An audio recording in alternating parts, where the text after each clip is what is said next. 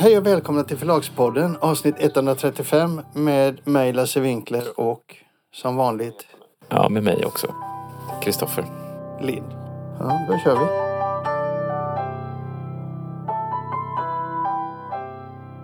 Som vanligt när vi får frågor från våra lyssnare så plockar vi upp dem om vi tycker de är det minsta intressanta eller möjliga att prata om i podden. Och vi fick en häromdagen som låter så här. Kan jag ställa en fråga här? Jag undrar hur ni ser på läsandet. Om val av genre kan komma att ändras i och med att det är krig. Vill man läsa spänningslitteratur när så många lider på riktigt? Eller kommer man att se en trend åt mer feelgood och liknande med hoppfulla och lyckliga slut? Så var frågan. Och min första korta fundering var den. Ja, det ligger väl i varje människas eh, egen reflektion. Det är svårt att hitta fakta. Men då hade du lite fakta som var intressanta. Eller hur? Det är en väldigt svår fråga att svara på. Man, man skulle ju spontant säga att hon rimligen kan ha rätt i det där att folk borde styras mer åt feelgood men samtidigt så är ju eh, deckarutgivningen och deckarlyssningen idag, deckarlyssnandet idag så pass brett så att det finns ju liksom hela spektrat där. Och väldigt mycket av det som man flyr in i när man börjar läsa en deckare det är ju en helt ny värld med eh, karaktärer som, som man känner igen och tycker om och som skänker trygghet och, och sådär. Så att jag, jag tror nog inte egentligen att det kanske kommer påverka så mycket. Men rent konkret så har det ju påverkat. Och senaste veckan har det påverkat ganska mycket. Senaste två veckorna får man säga. Och vad vi har sett är två saker. Det ena det är väldigt, väldigt basalt och väldigt uppenbart. Det är att vi har börjat sälja väldigt mycket av våra preppingböcker. Vi har ju några preppingböcker och, och eh, de har ju sålt bra sådär. Det har ju varit en trend de senaste åren men, men eh, nu har de gått upp på liksom Adlibris topplista och eh, sådär. Så det, det, vi har en är slutsåld och en annan håller på att sälja slut och vi trycker till en, en, en annan och sådär. Vad är en preppingbok? Får du kanske säga då? Uh, preppingbok är helt enkelt hur man ska förbereda sig för katastrofen. Hur man uh, ska bunkra upp hemma med gasolkök och vattendunkar och vad man ska tänka på och sådär. Hur man bygger sin egen bunker och så. Mm. Ja, det är inte slut. Eh, cement finns ju att köpa men, men gasolkök och, och dunkar, eh, vattendunkar mm. är slut överallt. Spelar ingen roll vart du går. Nej, är du en prepper? Jag är ingen prepper. Men jag är väl ansvarskännande tycker jag. Eller? Det är väl andra som avgör det förstås. Men prepper kommer jag aldrig att bli. Nej. Är du en prepper? Nej, jag är den första som eh, dör alltså när det blir krig, så är det. För du går ut och kollar på vädret eller vadå? Nej, men jag kom, det är liksom kört för mig. Men... Eh, eh, man, ska man, ska säga, inte, man ska inte skratta åt det. det nej, man ska, nej, det ska man inte skratta åt. Men, men, eh, men jag har ingenting, jag kommer inte klara mig alls. Tur att du har kompisar som mig då. Ja, men, men det är ju någonting väldigt, väldigt, väldigt konkret sådär. Men vad vi har, en annan sak som vi har noterat och det är att våra lyssningar har gått ner.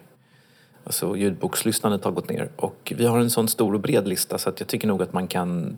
Jag, jag, tror att det inte bara är vi som har sett att det har gått ner utan jag tror att det här är något allmänt. Och eh, det intressanta är att vi såg samma sak i början av pandemin eller när pandemin började liksom krypa in under skinnet på folk och paniken började sprida sig. Då såg vi också att lyssnandet gick ner. Sen återkom det där men, eh, men eh, förklaringen skulle kunna vara att liksom i början av en sån här kris för det får man väl ändå säga, så är alla väldigt tagna. Eh, det finns väl ingen som är opåverkad av det som händer i Ukraina och eh, man, eh, man går in i ett flöde där man där rutinerna kanske bryts lite grann och man lyssnar väldigt mycket på nyheter och konsumerar väldigt mycket poddar och har kanske lite svårt att koncentrera sig på en ljudbok. För mig har det varit så. Mm, för mig också. Jag, jag, jag liksom knarkar nyheter hela tiden. Mm. Sen tror jag också att eh, Stockholms sportlovsvecka har säkert också bidragit för det är många stockholmare som, som har ljudboksabonnemang och när man åker skidor så har man inte tid att lyssna och när man är med familjen har man inte tid att lyssna. Så det, det har vi sett men det är väldigt svårt att säga vad, vad, vad det gör. Vad vi vet är ju att eh, eh, den initiala chockreaktionen ganska snabbt går bort och även om kriget i Ukraina sorgligt nog kanske blir utdraget så kommer ju många att återgå till någon slags vardag och eh, normala beteenden ganska snart. Ja, alltså normalt skulle jag ha hållit med dig men, men eh, chockverkan på den här eh, världspolitiska händelsen är så stor så jag tror att de flesta av oss, vi har ju inte mött någonting liknande i vår, i vår livstid. Nej, du har rätt. Det, vi vet inte heller vad flykting, hur, vilka, vilka flyktingströmmar som kommer att komma. Det, det, kan, det, kan, bli, det kan bli mycket, mycket större än vad man, vad man, vad man kan förutse. Nu, det här ligger lite utanför förlagspoddens område men en, eh, någonting som är nytt det är ju den här ekonomiska krigsföringen. För det är ju nästan vad det är.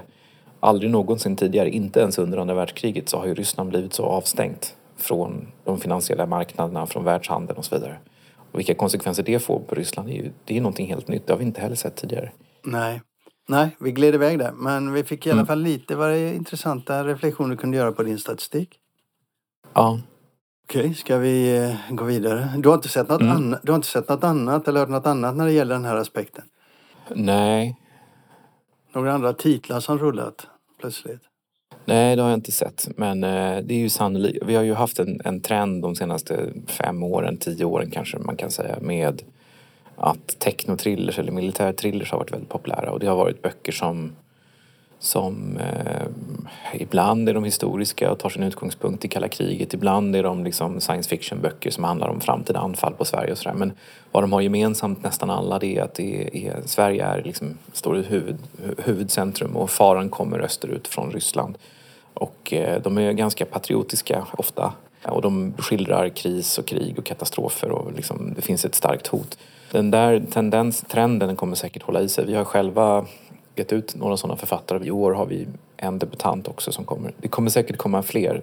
Och det, och det kommer säkert komma massor av böcker om Ukraina, om krig, om Ryssland och sådär. Intresset för Ryssland har ju alltid varit stort i Sverige men det kommer säkert öka.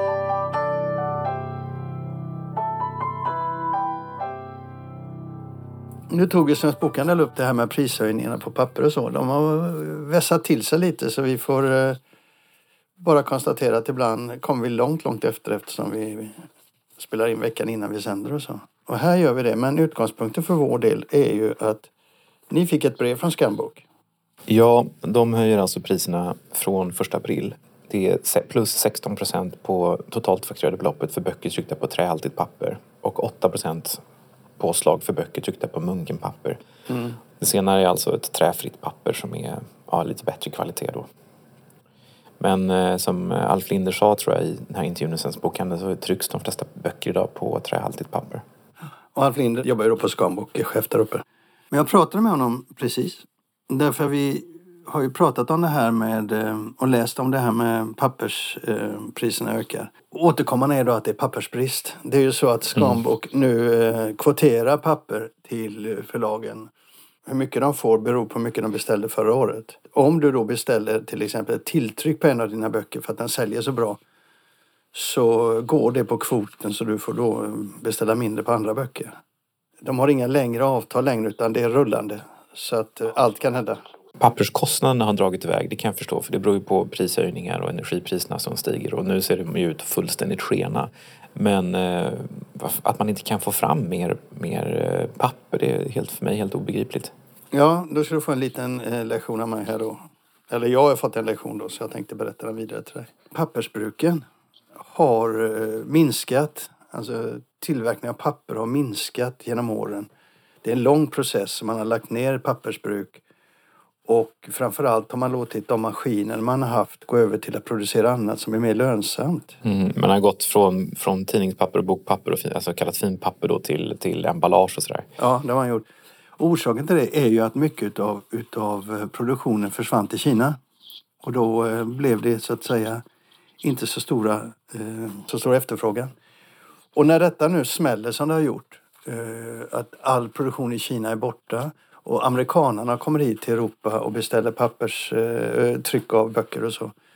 Så blir det en situation där pappersbruken inte längre kan leverera de volymerna. Inte så snabbt.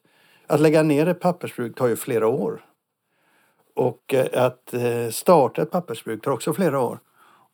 Och, och, och dessutom, Scanbock har ju haft en del maskiner de behövt eh, reparera eller eh, ställa om. Då finns alltså inte elektroniska komponenter. Men det här att eh, man har flyttat produktion från Kina till, till Sverige. Alltså, jag vet inte, den svenska förlag som trycker i Kina, det är ju, jag känner inte till något utan det är väl ett annat samtryck. Men av den totala produktionen som i synnerhet då Skambok gör, det är ju textböcker, alltså det är böcker utan, det är inte fyrfärgsböcker. De svenska förlagen trycker ju ingenting i Kina i stort sett. Så jag förstår inte riktigt det där, att det skulle vara förklaringen. För i höstas så var ju förklaringen att det var en eh, alltså åter öppnandet av samhället efter corona gjorde att liksom den fysiska pappersboken kom tillbaka och det märkte vi också. Vi hade ju en försäljningsökning på pappersböcker, visserligen från en mm. låg nivå men ändå en ökning på 10 procent. Men nu förstår jag inte, hur kan det vara brist nu när, när... Eh, det finns inte pappersbruk tillräckligt som kan leverera de här papperna.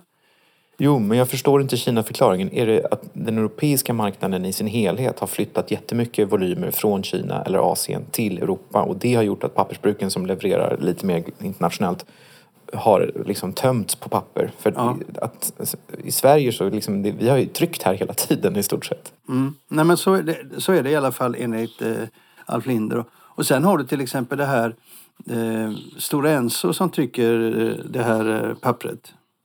Mm. De eh, köper ju en del av sin, eh, sitt timmer från Ryssland. Ja, jag vet. Ja. ja. Det kommer bli brist på timmer. Alltså råvaran till papper. Så allting samverkar här. Nu blev vi lite långrandiga här men om man också tittar på att då, då först nedläggningen och förändringen på, på um, pappersbruken. Och sen har du ett uppdämt behov efter pandemin som ökar eh, intresset för böcker. Och sen har du prishöjningar på precis allting. Precis allting. Nu kom ju 40% i prishöjning från Skambok 1 januari och då menar ju de då att det gjorde de för att komma ikapp alla andra som hade höjt innan. Och sen 8 till 16 procent nu i april. Och de kan inte garantera att det inte kommer mer i sommar. Nej, alltså det är otroligt. Det är lite som under andra världskriget. Det är liksom ransonering. Men mm. det är, samtidigt är det ju krig i Europa så att... Mm. Och sen ligger förlagen i Sverige på långa, långa ordrar. Eh, ordrar alltså sex månader framåt eh, är, är de ju nästan fullbokade på Skambok. Mm. De jobbar ju mer än de nästan någonsin har gjort på Skambok. Tjänar de pengar då? Kan de ta ut det här av förlagen eller liksom, har marginalerna minskat? Vet inte, det frågar jag inte. Eller, ja, nej det frågar jag inte. Man får känslan att det är så synd om dem och det är det ju. Men, men de kanske ändå kan, det kanske ändå går bra för dem, jag vet inte. Alltså, synd om dem vet jag inte, men de får ju manövrera på ett sätt de aldrig har gjort tidigare. De får ju hoppa från, från pappersbruk till pappersbruk. De får ju jaga papper och de får liksom lägga pussel. Om du vill ha till exempel en, ett, en bok med hårda pärmar så kanske du inte får det. Du kanske får en bok med mjuka pärmar. Eller du kanske får ett papper, ett omslagspapper som ser helt annorlunda ut eh, än vad du är van vid. Det såg jag, mm. det såg jag i veckan när jag fick eh, morgontidningen här att omslaget till eh, bilagan var något helt nytt papper. Och det inser jag, ja det är bara för att det finns inget annat. Ja, jag har noterat att Svenska Dagbladet brukar alltid ha en rosa eh, utgåva av Näringslivstidningen. Den har blivit vit men jag vet inte om det har med pappersbrist att göra. Men vi kan väl säga så här då som en avslutning av det här inlägget att jag kanske inte svarar helt och hållet på din fråga om varför det, finns, varför det är pappersbrist och varför pappersbruken inte får fram papper. Men man kan säga att det är en pågående samtal. Mm. Slutsumman är i alla fall den att böcker kommer bli dyrare. Bara att ställa in sig på det. Ja. Jo. Jag, jag tror inte att jag i mitt vuxna liv har varit med om en situation där ingen kommer att protestera när bokpriserna höjs. Men det kommer de nog inte att göra den här gången. Tror du det? Nej. Nej, jag tror inte det. Det finns en stor förståelse för, precis som vi har förståelse för tryckerierna som höjer priserna så har, upplever jag det som bokhandeln en förståelse för att vi höjer priserna. Våra kostnader för tryck har ju stigit ganska kraftigt och våra kostnader för leveranser har ju stigit enormt. Mm. Och eh, när vi spelar in det här så har ju dollarn gått upp i 10 kronor och euron står nästan i 11 så att de böcker som vi trycker utomlands blir väldigt dyra också. Mm. Så det där kommer att påverka eh, volymerna också. Har du funderat hur ni tänker göra det här? Kommer ni minska tryckvolymerna? Nej, vi trycker ju det vi tror vi kan sälja. Det har vi alltid gjort. Jo, jo. Men jag menar, har ni börjat justera de tankarna eftersom priserna går upp? Ni räknar med att om bokpriserna ökar? Nej, det har vi inte gjort. Det är svårt, tycker jag. Jag tror ju priselasticiteten på böcker är ju sådan att böcker är inte så priskänsliga som man kan tro. Höjer du priserna med några procent eh, så kommer inte försäljningen att sjunka liksom, i motsvarande grad. Eller, jag tror att marknaden klarar av lite, pris, lite prishöjningar i alla fall på kort sikt. Mm. Böcker har ju också sett över tid inte blivit så mycket, mycket dyrare. Det har ju varit en väldig prispress även på, på boken ut till konsument. Ja, vad som ska läggas till att ni tar ut eh, högre priser det är att allting annat runt omkring också ökar. Och det ja lägger en press på priset. Är det något annat du funderar på som förläggare eller som förlagschef i den här situationen som behöver justeras eller Nej, det är det inte. Men jag träffade, jag träffade förlagssystem häromdagen och eh, de berättade ju att deras priser för emballage har ju stigit med enorma summor. En pall som, som kostade 120 kronor, den är uppe i 170 kronor nu. Det där gör ju att de också tittar på prishöjningar så det blir en ond spiral av prishöjningar. Ja, men finns det någonting du funderar på att du borde titta på då för att gardera förlaget? Alltså det finns inte så mycket man kan göra tycker jag. Det är liksom att man, måste, man måste gilla läget och försöka anpassa sig så mycket man kan. Vi har ju tidigare lagt en del beställningar. Vi har köpt upp en del papper men det är ju väldigt, ändå väldigt kortsiktiga lösningar. Om det här håller i sig så kommer ju vi stå lika oförberedda som alla andra. På den glada tonen går vi ur det här ämnet. Mm.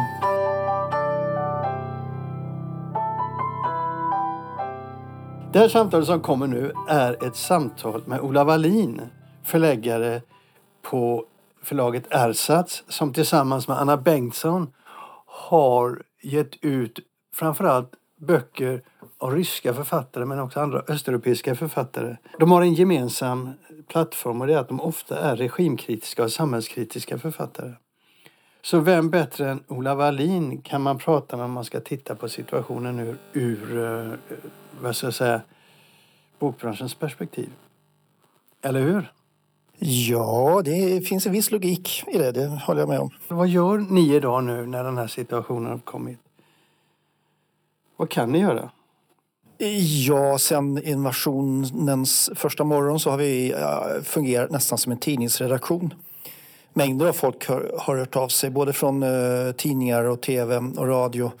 Men också från eh, olika, ja, olika arrangörer olika slag, olika organisationer för att få hjälp med kontakter, hjälp med texter och vi har eh, ordnat det och översatt själva och eh, sett till att andra har översatt och sett till att detta har spridits. För att tar man då de författare som nu eh, har synts i Sverige och det är inte bara våra författare utan också andras eh, så är det ju de som eh, egentligen är den ryska oppositionen idag och har varit sedan 2014 då Ryssland annekterade Krim. Och det är författarna som har vågat säga ifrån. Och många har också betalat ett högt pris för det här och gått i landsflykt i tysthet. Mm. Så att det, det, finns ju en rad framstående författare som inte längre är i Ryssland. Eh, och några få finns väl kvar. Många av era aktuella författare står faktiskt på den här listan med ryska författare som eh, hashtag skip Putin talk to Russians. Där har ni flera Sju stycken. författare. Vad sa du? Sju, sju av 16 såg jag. Ja, just det. Och eh, den som följer media har också sett att ni själva har översatt några av era författare debattartiklar i svenska medier, framförallt mm. i DN då. Men vad man kan se idag, allting stoppar. Mm. Ryssland så att säga stängs för kontakter med väst. Mm. Vad kan du göra då i det läget? Sanktionerna sätter ju stopp för eh, egentligen allt eh, större internationellt samarbete. Eh, det finns ju väl inga affärer kvar att göra i Ryssland. Vad vi kan göra är att fortsätta stödja de här författarna så att de känner sig hörda och sedda. Att de fortfarande har kanaler ut eh, för att fortsätta eh, tala mot regimen och mot kriget. Och på sikt så är också det som är något hopp eh, om någon framtida försoning mellan Ryssland och Ukraina att det faktiskt finns de som säger ifrån. Det är eh, symboliskt väldigt, väldigt viktigt. Men på ett affärsmässigt plan finns, det ingenting vi kan göra. Nu är det viktigt att stödja ryska oppositionella röster eh, och se till att de hörs och är med i olika sammanhang. Och då finns det också ett motstånd mot detta från eh, ukrainarnas sida. Många vill inte vara med i sammanhang där eh, ens ryska oppositionella är med. Och det får man också ha respekt för och förståelse för i en situation där ryska trupper bombar eh, BB och sjukhus och skjuter civila. Då finns liksom inte utrymme för nyanser, det, måste man förstå. Men eh, här i Sverige måste vi eh, fortsätta jobba med den ryska oppositionen. Och för vår del så är det då författare. Och de är också ju väldigt vältaliga och kan formulera vad många ryssar tänker innerst inne och som, som, och som inte alls har någon möjlighet att eh, nå ut. Men det, det där är, om man tittar på till exempel våra grannländer då, i Norge så har ju, precis som i Sverige och Finland och Danmark, så har ju alla branschorganisationer och författarförbund och så gått ut och stöder Ukraina och stoppar all, alla affärer med, med Ryssland. Men i Norge där är man också väldigt noga med att säga då att hur viktig yttrandefriheten är. Och man säger också att bokbranschens roll i det hela är att, att fördjupa, hjälpa till att fördjupa kunskapen och fortsätta sälja böcker från ryska författare och böcker som har med Ryssland att göra. Och det säger också eh, Förläggarföreningen i, Nor i Norge väldigt tydligt att man ska alltså vara noga med att hålla eh, samtalet öppet med dissidenterna. Ja, det ser man ju nu att eh, många svenska läsare vill ju verkligen höra vad, vad de ryska författarna har att säga. Eh, och vi märker också ett ökat intresse för våra ryska böcker. Så att det, det, det är väl det som positivt i det hela att människor söker sig till böckerna och författarna i en så här kritisk situation. Ja. En annan sak är ju det, det här apropå att göra affärer med Ryssland. För det första går det väl inte eh, och för andra så bör man inte. Men eh, tar man de här eh, bästa ryska författarna så har de ju i, nästan utan undantag eh, litterära agenter i Europa och någon i USA. Eh, och sen är det några som inte har någon agent alls, varken rysk eller eh, europeisk. Så, så där finns det ju inga problem med att göra affärer, så att säga, att köpa av, eh, utgivningsrättigheter. Ehm, däremot affärer med ryska förlag och andra ryska litterära organisationer, det eh, måste man naturligtvis noga överväga innan man ger, ger sig in på det i det här läget. Hur ser det ut för er del? Har ni efter, efter den här utvecklingen bestämt er för att skynda på utgivningen av böcker eller köpa upp andra titlar som ni inte hade innan? Eh, vi håller på med en bok som, som kom, ska komma så snabbt som möjligt eh, och det är en direkt, eh, direkt följd av detta. Sen har vi strukit ehm, titlar ur höstlistan. Vi har skjutit upp dem rättare sagt till nästa år. De kan lika gärna komma då. För att ge utrymme för böcker som vi är säkra på kommer att dyka upp. För nu söker vi efter eh, relevanta titlar som, eh, som eh, kan tillgodose läsarnas behov av fördjupning. Du har ju också tidigare varit involverad mycket i PEN, Svenska PEN. Mm. Är du fortfarande det? Nej, det, det, kan jag inte påstå. Men vi har, jag har viss kontakt med dem som, som är i styrelsen naturligtvis. Men hjärtat bultar ju för PEN. Det, frågorna är viktigare än någonsin. Och jag följer diskussionerna eh, inom Penn International därför att det finns en eh, Ryska Penn har ju nu blivit ställda i karantän. Och jag vet inte när det skedde riktigt om det var i samband med invasionen eller tidigare, det ska låta vara osagt. Men de ryska PEN så har de överhuvudtaget inte kommenterat detta på eh, hemsidan utan det är bara födelsedagsgratulationer eh, till eh, äldre medlemmar och så vidare. Så de, det är en totalt irrelevant organisation. Sen finns det en ny gren som heter PEN Moskva och de har öppet uttryckt sin avsky mot kriget direkt efter invasionen och sen har de tagit bort det från hemsidan av säkerhetsskäl och det finns andra texter som eh, tydligt eh, visar var de står. Och sen har, finns det eh, kritiska röster från ukrainska PEN eh, eftersom de mycket riktigt då menar att eh, ryska PEN stödjer kriget även om de gör det ja, ett tyst medgivande så att säga. Och de eh, är också väldigt förbittrade på att det finns ett stort upprop bland författare som eh, publiceras i Litteraturnaja Gazeta, alltså litteraturtidningen. Och det är många, många, många namn som då uttrycker sitt stöd för Putin och eh, för kriget och mot Ukraina. Men tittar man på den listan av namn så, så jag kände inte igen ett enda namn så det är ju inte ens B-laget eh, som är med där. Ingen eh, känd författare har mig veteligen uttryckt sitt stöd för kriget. Jag har inte sett något i alla fall. Definitivt inte där. Så att det, det är väldigt polariserat. Vad ser du mer eftersom du är ryskspråkig och översätter också och har kontakter i Ryssland? Vad ser du mer? Just nu är det så, så, så, så nytt. Om vi tänker på förlag och så, så, så slåss de väl nu för sin överlevnad på sikt. Och jag har ju jättesvårt för att förstå hur man kan undgå att det blir en enormt stor utslagning av ehm, förlag just på grund av att det kommer bli en sån otrolig recession. Det säljs ju inga som helst rättigheter till Ryssland nu. Den, den marknaden är helt eh, död. Och ehm, eh, ryssarna köper ju inte heller någonting naturligtvis så att det har avstannat helt och hållet. Sen är det en annan historia då med de här ehm, europeiska agenterna som då specialiserade på eh, rysk litteratur. De säljer väl möjligen mer nu än tidigare men det tror jag mest är ett intryck från min sida. Jag vågar inte eh, svära på att det stämmer men jag, jag skulle tro att det, att det, att det är så. Har du pratat med eh, några av era författare i Ryssland under den här perioden? Ja, det har vi gjort eh, helt kort. Och man måste vara väldigt försiktig då för man kan inte eh, säga för mycket. Därför att det är en farlig situation. De kan vara avlyssnade både via telefoner och sociala medier så att man går inte på djupet. Ni är ju de som har översatt ett par av era, era författare då. Eh, till exempel Glukowski och eh, Babchenko. Mm. Som har varit i svenska media och som är oerhört kritiska då mot det ryska kriget såklart. Alltså Mille Babchenka då, eh, han flydde ju från Ryssland eh, för fem år sedan ganska exakt.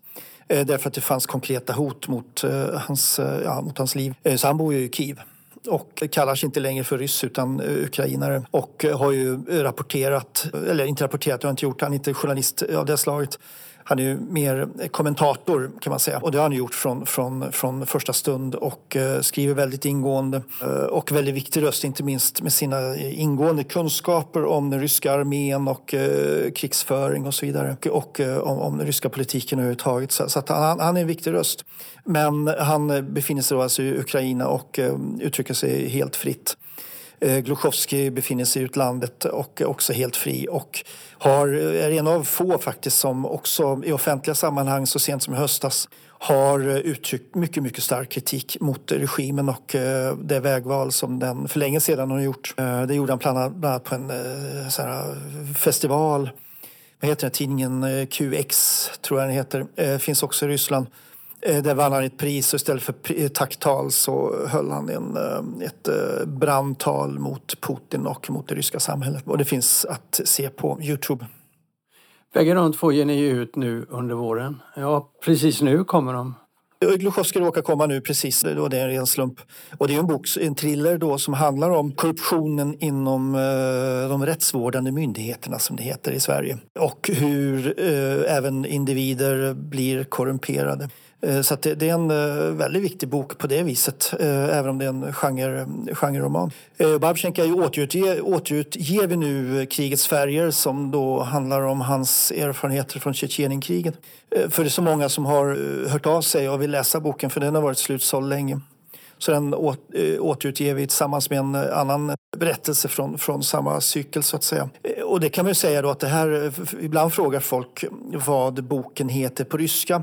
Det är ofta ryssar som läser den svenska översättningen och vill ge bort boken till någon rysk bekant för att de vill sprida kunskapen till, vidare i, i, inom ett ryskt språkområde. Men eh, då finns det ju inget ryskt original. Boken finns inte på ryska. Utan det är texter som han skrev för en hemsida för uh, Tjetjenien-veteraner och han skrev det av rent terapeutiska skäl strax efter kriget. Och sen eh, spreds de och han vann och pris trots att det bara var publicerat på internet. Och sen utkom den på tyska och sen på svenska. Så att det är bara i utlandet den finns som bok. Och det är ju symptomatiskt eh, därför att det är ju en bok som mycket ingående beskriver hur den ryska armén fungerar med penalism från de äldre eh, mot de yngre, mot de värnpliktiga och det är fruktansvärda eh, misshandlingar och du läste idag att det dör cirka 140 värnpliktiga om året i armén och det är en ganska hög siffra faktiskt.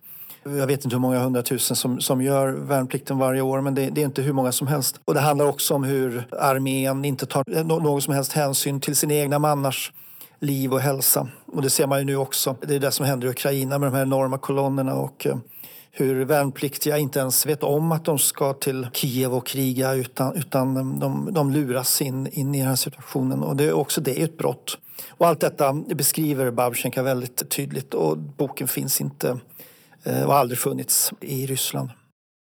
Men du, eh, när du ändå pratar om böcker med tanke på din, eh, dina språkkunskaper och ditt speciella arbetsområde. Om du nu skulle rekommendera böcker, inte bara dina egna nu utan andra förlags också. Vad skulle folk läsa idag för att förstå det här på djupet bättre? Kriget. Inte minst eh, Babchenka, då, den, den, som vi ger ut nu, Krigets färger, som kommer i pocket. Men sen finns det ju Sean Walker som Ordfront ger ut The Guardians journalist, eh, en av de bästa reportrarna som bevakar Ryssland och har gjort länge. Peter Pomerantsev också på Ordfront. Eh, väldigt viktig bok. Allt, ingenting är sant och allt är möjligt. De tre viktigaste böckerna skulle jag säga eh, som finns just nu. Då får du också säga att Sean Walkers bok handlar om Putin och Ryssland. Ja, precis. Stämmer. Jag tycker allmänt att det är viktigt att man inte bojkottar rysk eh, kultur överhuvudtaget. Utan de, de, eh, de måste få höras, man ska studera ännu djupare och man önskar att intresset för rysk litteratur och rysk kultur allmänhet blir större. För att det, det finns ett intresse där ute, det, det gör det, det, det har vi ju märkt och det är också de, många av dem som läser våra böcker. Men det kunde vara betydligt större och jag tycker också att eh, tidningsredaktioner borde ha gjort mycket mer för att uppmärksamma de här böckerna. Eh, därför att när det sker en sån här sak och i, i vårt område så är ju Ryssland en väldigt viktig maktfaktor så är det viktigt att man vet vilka man har att göra med. Och läser man ryska böcker så, så lär man sig väldigt mycket om, om ryska samhället på gott och ont. Det är inte naturligtvis bara positiva sidor som skildras utan också de negativa, eh, framförallt de negativa. Väl. Böcker är viktiga och eh, den svenska utgivningen av rysk litteratur är viktig eh, och eh, har varit eh, eftersatt och har länge varit och det är därför vi heter Ersatz för att vi var kritiska mot den svenska utgivningen av till exempel rysk litteratur. För när vi började då 90 Fyra bildar, grundade företaget. Eh, då, då gavs det ut en eller två romaner om året och så var det ju också 2005 eh, då vi återstartade utgivningen efter att ha frilansat i ett antal år. Eh, så att det har varit en väldigt grund utgivning, tyvärr. Och det kan man väl tycka att även Norstedts och Bonniers borde se över sin icke befintliga ryska utgivning. Okej, okay. ska vi avsluta där? Det kan vi göra. Det var allt för Förlagspoddens senaste avsnitt, eh, vars nummer jag glömt. Välkomna att lyssna igen nästa vecka. Hej då! Hej då!